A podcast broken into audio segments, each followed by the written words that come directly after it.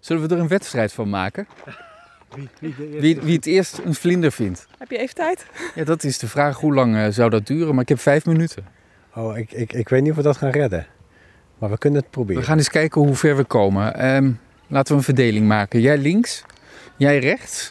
En hier staat iets met heel veel bloemen. Ja. Ik heb het gevoel dat ik daar de grootste kans heb. Ga dus dan lijkt me dat een verdeling. Dan ga ik hier het Ja, veld in. en als je wat, wat ziet, roep heel hard en dan kom ik eraan rennen hè, met de microfoon. Ja, nou Ja. goed. Oké. We, we gaan het proberen.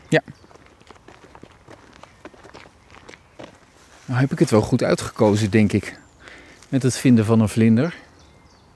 Want er zitten hier echt heel veel bloemen. Ik weet niet wat voor struik het is. Oh, er staan botjes bij. Dat is het voordeel met zo'n arboretum. Dit is een Cornus causa, oftewel een cornoelje. Het trekt niet veel insecten aan op dit moment. Hebben jullie al wat? Nee. Zij hebben ook nog niks.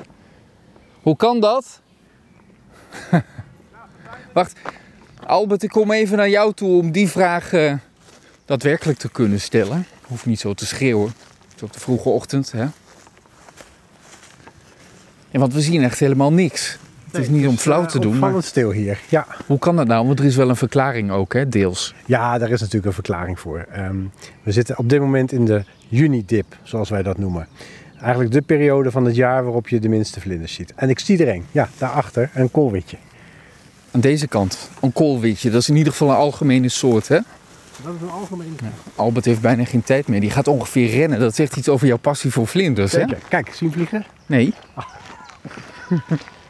Aan het eind van het pad, voor die struiken aan de linkerkant, zag je hem vliegen. Dan hoop ik maar dat we hem nog bij kunnen halen. Want vliegers, vlinders kunnen echt heel hard vliegen. Wat voor snelheden kunnen die halen dan? Weet je dat?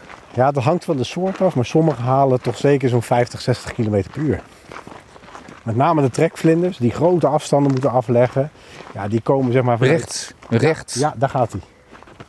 Nou, Dat is dezelfde. Ja, dat is dezelfde. Heb je hem toch even gezien, hè? Dat is die nu op trekvlinders. een grote bloem. Ja. Ja, vertel het maar, Amber. Wat zie je? Ja, hij gaat van bloem naar bloem. Helemaal naar de bosrand. Beetje mediaschuw is die Ah, wel. Een tweede. Ja, precies. Daaronder vliegt er nog Ja. eentje. We gaan er maar los. Ja. En dat tijdens de junidip. Want wat is nou de junidip? Ja, de junidip die, die verklaar ik meestal door te zeggen... we hebben de soorten die in het voorjaar vliegen... en de soorten die in de zomer vliegen. En eigenlijk daartussenin zit de junidip. En vroeger hadden we wel vlindersoorten in Nederland... die dan gewoon ook in die periode rondvlogen... maar de meeste zijn we kwijtgeraakt. Dus dan zie je eigenlijk een gat ontstaan... waarin we relatief weinig vlinders zien. Wij noemen dat de junidip. Hè? Dus dan zijn er minder waarnemingen. Geeft ons even rust om op adem te komen... maar ja, dat duurt meestal anderhalve week... Ja, en dan begint de zomergeneratie en dan komen ze weer eh, tevoorschijn. Dus over een week zijn er veel meer vlinders te zien dan, dan nu. Dat vermoed ik van wel. Ja. Ja. Nou hebben we dit jaar wel een beetje een semierjaar. Dus dat is de beleving. Dat komt omdat er relatief weinig koolwitjes zijn bijvoorbeeld. En dat is toch een opvallende vlinder. Kijk maar, we zagen er eentje vliegen. Twee, uiteindelijk. Twee. Ja. Eh, maar mensen zien die dus niet. Ja, en daardoor hebben ze al snel het idee van er zijn minder vlinders. Nou is het wel zo dat sommige vlindersoorten die afhankelijk waren van voedsel voor de grote droogte vorig jaar. Denk aan een oranjetipje, die is eigenlijk voor die droogte al verpopt.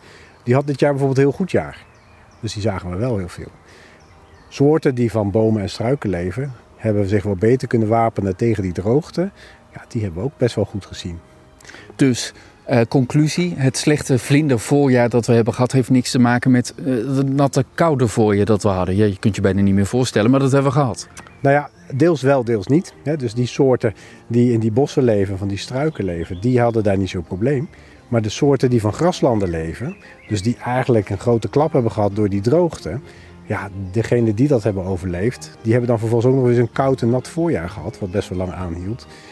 En die moeten nu eigenlijk uit de pop komen. Nou, kun je je voorstellen dat een groot deel daarvan niet tot ontwikkeling is gekomen. En dus, ja, die gaan we misschien ook niet zien.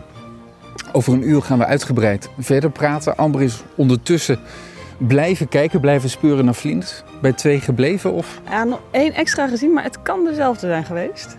Dus ook weer zo'n witje. Ja, ja, zeker. Dus verder valt er weinig te zien op dit moment. Dat noem je een dipje.